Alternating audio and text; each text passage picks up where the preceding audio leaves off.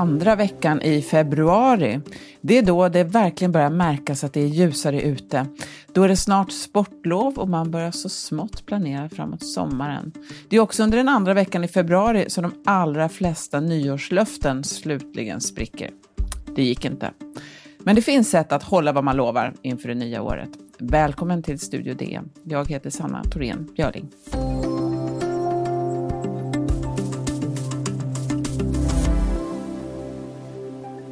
Ja, det är lite fint med nyår. Det är ett tillfälle att göra halvhalt, titta bakåt, hur blev det här då? Och att se framåt, vad kan man hoppas av det nya året, det som kommer? Det är också ett tillfälle att sätta ambitionsnivån med ett nyårslöfte. Men då gäller det att göra rätt om man ska slippa bli besviken på sin egen disciplin. En som vet mycket om det här är DNs Augustin Erba, redaktör för DN Lördag. Välkommen! Tack så mycket. Eh, brukar du avge nyårslöften? Ehm, jag arbetar systematiskt med att, att förbättra mig själv och min tillvaro. Så att jag, jag, jag sätter nya, nya löften till mig själv hela tiden. Okej, okay, vad har fungerat för dig då? Um, nej, men alltså jag har läst ett otal av de här böckerna som, som handlar om hur man liksom bemästrar sin viljestyrka och sådana där saker. Um, det finns ju ett helt gäng. Ja, Daniel Kahneman har ju skrivit en, uh, Richard Taylor har skrivit en, Angela Duckworth har skrivit en, Kelly McGonagall har skrivit en.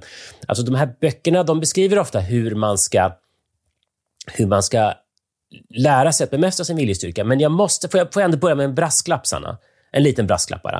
Uh, och, och det är att um, mycket av den här forskningen är ju psykologiska experiment.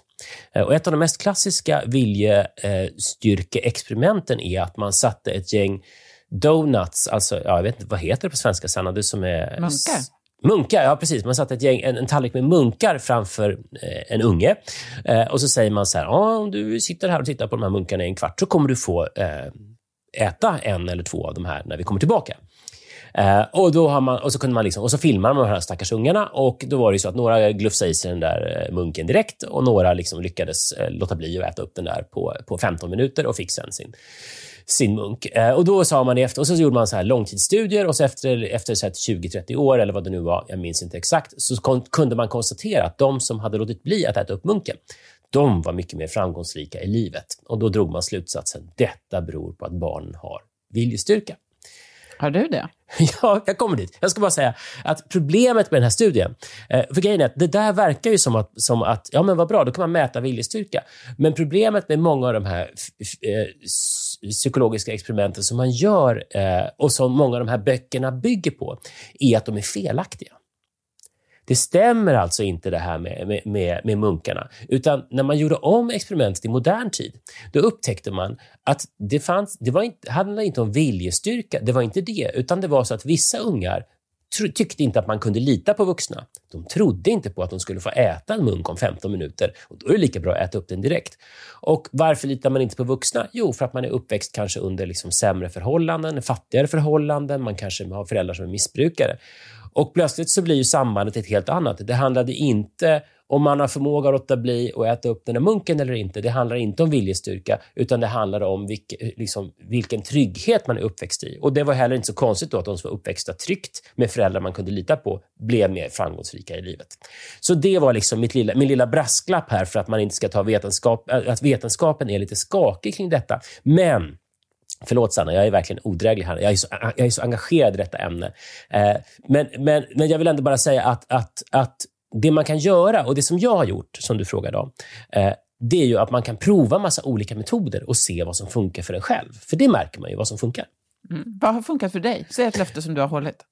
Eh, absolut. Eh, jag, kan ta, jag kan ta ett väldigt konkret exempel. Eh, jag, när jag började på Dagens Nyheter, då tänkte jag så här, ja, nu har vi ju, det finns ett gym i källaren på Dagens Nyheter. Eh, och Då tänkte jag så här, ja, men det vore ju bra att gå på gymmet. Eh, så då tänkte jag, ja, men jag, ska, jag, ska, jag ska gymma åtminstone eh, två gånger i veckan, för jag har haft trassel med ryggen, så jag skulle verkligen behöva rehabträna två gånger i veckan. Och då, och då, och då bestämde jag mig för att jag skulle göra det på, eh, ja, på eftermiddagen efter jobbet. Och hela vårterminen gick och jag gick till gymmet tre gånger. Och det var en sån kamp att gå till gymmet. Mm.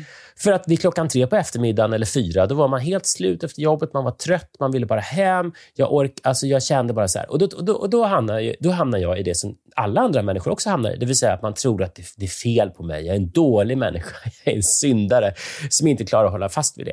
Men det du ska göra då, när du har, satt, när du har gjort ett sånt där löfte att du vill förändra någonting, då ska du inte nöja dig med att det är fel på dig, utan du ska tänka på men vad kan jag göra för att förändra detta? Förutsatt att det inte är fel på dig. Och Då tänkte jag så här, men vad jag behöver göra är uppenbarligen att jag behöver... Vid den här tiden på dygnet så klarar jag inte att motivera mig själv. Så då bestämde jag mig för att jag skulle göra det på morgonen istället, precis innan jobbet. Och Då gick det lite bättre.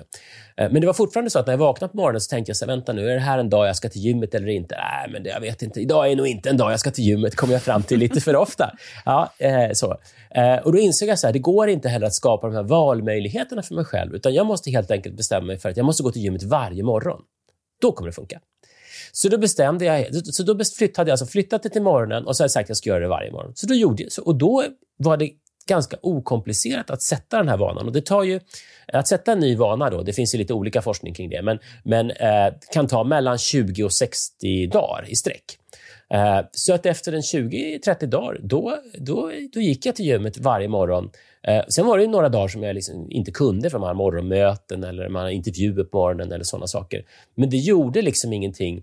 Eh, för då kom jag ändå, det värsta som hände var att jag kom ner i det som jag hade bestämt från början, det vill säga tre gånger i veckan eller två gånger i veckan. Och jag kunde träna ryggen. Jag läste någonstans att det tar 66 dagar för en, eh, en, ett beteende att bli en vana. Och det är ju oftast längre tid än vad det tar för folk att bryta sina löften. Så det, måste ju, det ligger någonting i det som du säger, eh, alltså att man eh, råkar bryta dem innan man, har, innan man har inkorporerat dem i sin rutin, om man säger så. Man kan det... faktiskt testa själv, man kan faktiskt testa själv eh, hur lång tid det tar för en att bryta en, bryta en vana. De flesta människor till exempel tar ju hissen istället för att ta trapporna. Mm. Eh, så att om du bestämmer dig för att du ska ta trapporna istället för hissen, så kan du räkna, och så gör du det varje dag, och så räknar du hur många dagar tar det tills du tar trapporna utan att starta vid hissen. Just det. De allra vanligaste löftena det är just sådana, träning och vikt, viktnedgång. Jag läste en undersökning eh, från USA då, men ändå. Över 70 procent eh, av nyårslöftena handlar om eh, träning, kaloriintag, gå ner i vikt och så. Eh, annars så brukar man också lova eh, att man ska försöka skaffa nya vänner och tillbringa mer tid med familjen och förbättra sina relationer och så. Eh, jag vet inte, hur tycker du? Eh, kan man Går det att lova sig själv att man ska skaffa nya vänner? Kan man formulera det så? Hur kan man lova det? Tänk om ingen vill vara kompis med Ja, eh, nej men det där, alltså, ofta är ju problemet med nyårslöften att de är dåligt genomtänkta. För man måste fundera på vad är det jag vill åstadkomma? Och Det gäller ju med viktnedgången också, eh, till exempel, eller kalorierna. Men vad är det du vill åstadkomma? Är det verkligen smalare du vill bli? Är det det som är det viktiga eller är det att du vill känna dig fin? Då kanske inte alls är så att ett kilo eller fem kilo hit eller dit kanske är det som gör skillnaden. Um, om du säger att du vill ha nya vänner, ja, är det, vad är det, betyder det att du känner dig ensam? Är det det som är problemet som du vill lösa? Eh, för det har ju en lite annan lösning kanske än, än att eh, jaga rätt på nya vänner. Så, eh, så att man behöver gå till botten med så här, vad är det vad är det här behovet som nyårslöftet ska lösa? Och Sen kanske det kan vara så. Jag menar, för min del med träningen så var det ju, jag hade ju en skada som jag behövde rehabilitera, så det var ju, inte, det var ju liksom inte så konstigt. Det kanske är så att om du väger, har, har en övervikt och så har du fått högt blodtryck eller kanske dåliga kolesterolvärden och behöver liksom eh, förändra dina kostvanor för att leva längre helt enkelt. Absolut, men det är viktigt tycker jag att man funderar på vad är det vad är det som är kärnan i ens nyårslöfte? Och då kan man sen bryta ner det. Så att anta till exempel att, um, anta till exempel att, att uh, man tänker att nu under corona så har jag blivit så isolerad, jag träffar alldeles för lite folk. Jag, eh, jag skulle behöva träffa lite nya vänner helt enkelt. För att, för att jag märker att jag håller på att alla mina vänner har samma åsikt om corona, till exempel, eller vad det nu är. Eh, så jag behöver, liksom, jag behöver få ett bättre utbyte. Ja, då behöver man ju bryta... Då, då har man ju genast en, en då kan man ju liksom bryta ner det där till, just det, jag ska befinna mig, då kan det vara så till exempel, jag ska befinna mig på sociala medier minst, eh, minst eh, en timme i veckan eh, och då ska jag skriva någonting trevligt till en person som jag inte har träffat förut till exempel. Var lite mer konkret alltså. Hur man ska göra för att hålla sina löften, det kan vi prata om lite mer efter pausen.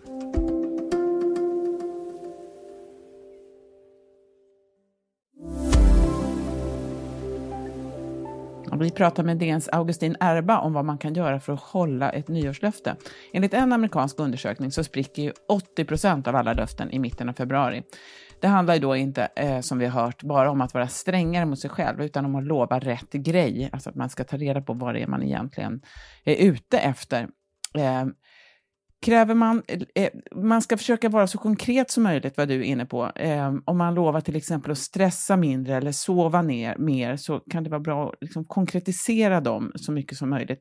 Finns något annat man ska göra? Jag läste någonstans att man ska man kan, det är bättre att formulera sig i positiva termer. Istället för att säga sluta slösa pengar så ska man säga jag ska hålla mig till budget. Är det ett bra tips? Oj, um, alltså det, det är väl lite svårt att säga just så kanske.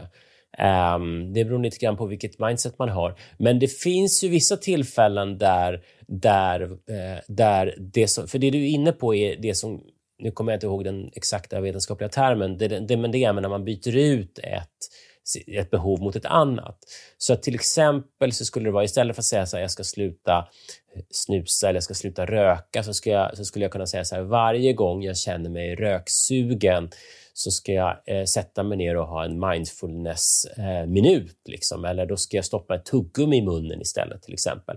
Så på det sättet så, så kan det möjligen vara så, men jag tror inte att jag har sett några, eh, några superbelägg för sånt. Men återigen, alltså, jag, jag, det verkar som att det väldigt mycket är så att, att det är individuella saker som, som, som eh, man behöver testa sig fram. Seinfeld till exempel, han hade ett, ett system som han kallade för ja, ungefär i alla fall, den obrutna kedjan.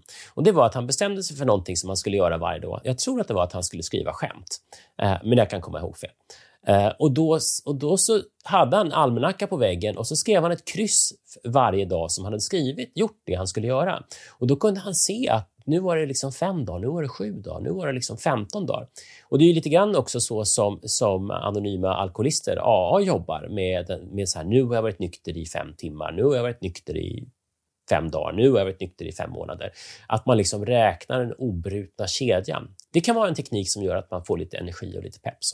Jag tror att det här som, det, det som jag läste, det var nog, de var nog lite inne på att om man säger just sluta röka, då börjar man omedelbart tänka på att röka. Då börjar man tänka på det och så börjar man längta efter det. Istället för att säga då, jag ska ta en mindfulness-minut, då kanske man tänker på den istället. Men du är ju inne på någonting spännande här. Tycker du i ett nyårslöfte, ska man tillåta eh, återfall eller små avsteg? Eller är det liksom kört då? Om man missar en dag och går på gymmet så känner man så här, nej, det gick inte, då kan jag lika gärna vänta till nästa nyår. Eller ska man, hur ska man motivera sig själv att inte se hela året som förlorat om man misslyckas lite grann. Ja, men det handlar ju också om att sätta upp, att sätta upp eh, att sätta upp sina mätbara mål eh, för, för sitt nyårslöfte. För om man då har brutit ner det då till exempel till, till eh, ja, men som vi pratade om före pausen, då, att man till exempel skulle vara två timmar på sociala medier och sen varje dag skriva någonting trevligt till någon som man inte känner till exempel.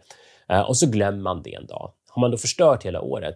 Ja, men har man då gjort ett har ju då gjort sitt jobb ordentligt och nu är det ju så, alla ni som lyssnar, vill jag bara säga det att börja nu inte med det här på nyårsafton, utan börja med det här när ni hör det här. För att det tar tid att lista ut vad är det man egentligen vill och hur bryter man ner det. Eh, och vad jag menar då till exempel är att, att om du tittar på, på eh, eh, alltså hur, alltså hur ska man formulera detta? När man, när man när man, när man kommer av, om man har gjort sitt grundarbete, då har man inte bara, i det här nyårslöftet skaffa nya vänner, då har man inte bara det här prata med någon trevligt en gång om dagen, utan då har man kanske en dagsplan och det var ju den du hörde nu. Sen kanske man har en veckoplan och det här ska sammanlagt bli så här många i veckan. Och sen kanske en månadsplan. Det ska bli så här många på ett år. Och sen kanske man har en årsplan. Att när 2021 är slut, då ska jag ha pratat med med 365 nya personer. Och Har du en sån plan, då kan du ju faktiskt göra så att även om du missar en dag så kan du liksom hämta in det dagen efter. Eh, så det, det, det är det jag menar med att, att det övergripande syftet eh, gör att det blir lättare att hantera när man får motgångar. Och motgångar får man ju. Alla misslyckas ju med sina, med sina löften till och från. Så att det handlar bara om att, att, att ha tagit reda på varför ska man, vill man göra det här och hur ska man göra det ordentligt. jag kanske är lite så feg. Jag brukar lova samma sak varje år. Det är i och för sig väldigt vanligt att lova samma sak varje år. Men mitt löfte är alltid så mycket mer fluffigt. Jag brukar ha en intention att jag ska bli lite bättre människa varje år. Att man ska bli lite bättre kompis, lite bättre mamma, lite bättre dotter, lite bättre hustru, lite bättre. Och det, är ju, det, är ju väldigt, det går inte riktigt att mäta, men det är i alla fall en intention. Den kan man ju börja om med varje dag. Skulle du säga att det är ett, liksom ett dåligt löfte då? Ja, det är ju hemskt att behöva säga det, Sanna, men nu har vi ändå känt varandra så länge och gjort den här podden ihop så länge, så att jag måste säga att ja, jag, är, jag är ledsen. Jag tycker att det är ett dåligt löfte. Eh, jag tycker att du behöver bryta ner de här sakerna. Så här, vad innebär det att vara en, en bättre eh, vad heter det, att vara en bättre människa? Vad innebär det att vara en bättre... Han, liksom, bryt, vad, vad, alltså, om jag ska försöka tänka så här, vad innebär det att jag ska vara en bättre make eh, det här året. Då måste jag bryta ner det. så här, Ja, men jag ska städa dubbelt så ofta som, som min fru eller jag ska vika tvätten på ett sånt sätt som, som, som hon verkligen blir glad över. Eller varje vecka så ska jag, så ska jag se till att, att eh, jag har tänkt ut något spännande som hon kommer tycka är roligt att göra. Ja. Liksom. Ja, men då kan det funka. Men eh, slutligen då, tycker du att man ska ge eh, sig själv en belöning om man klarar det här? är det, jag tänker att en belöning är i alla fall bättre än, eller, eller ska man straffa sig själv om det misslyckas? Är det, funkar det? ja, straffa sig själv, ja.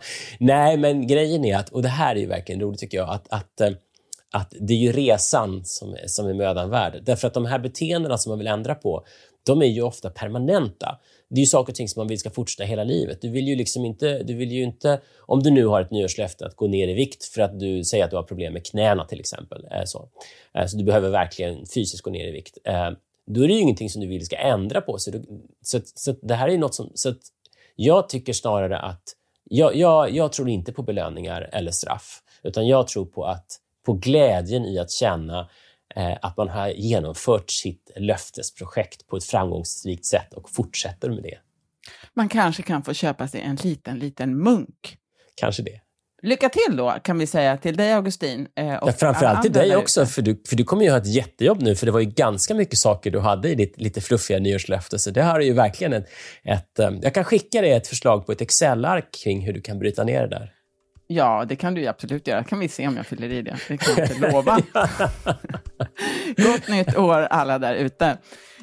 Studio DN görs för Podplay av producent Sabina Marmelakai, exekutiv producent Augustin Erba, ljudtekniker Patrik Miesenberger och teknik Jonas Lindskog, Varv Media. Jag heter Sanna Thorén Björling.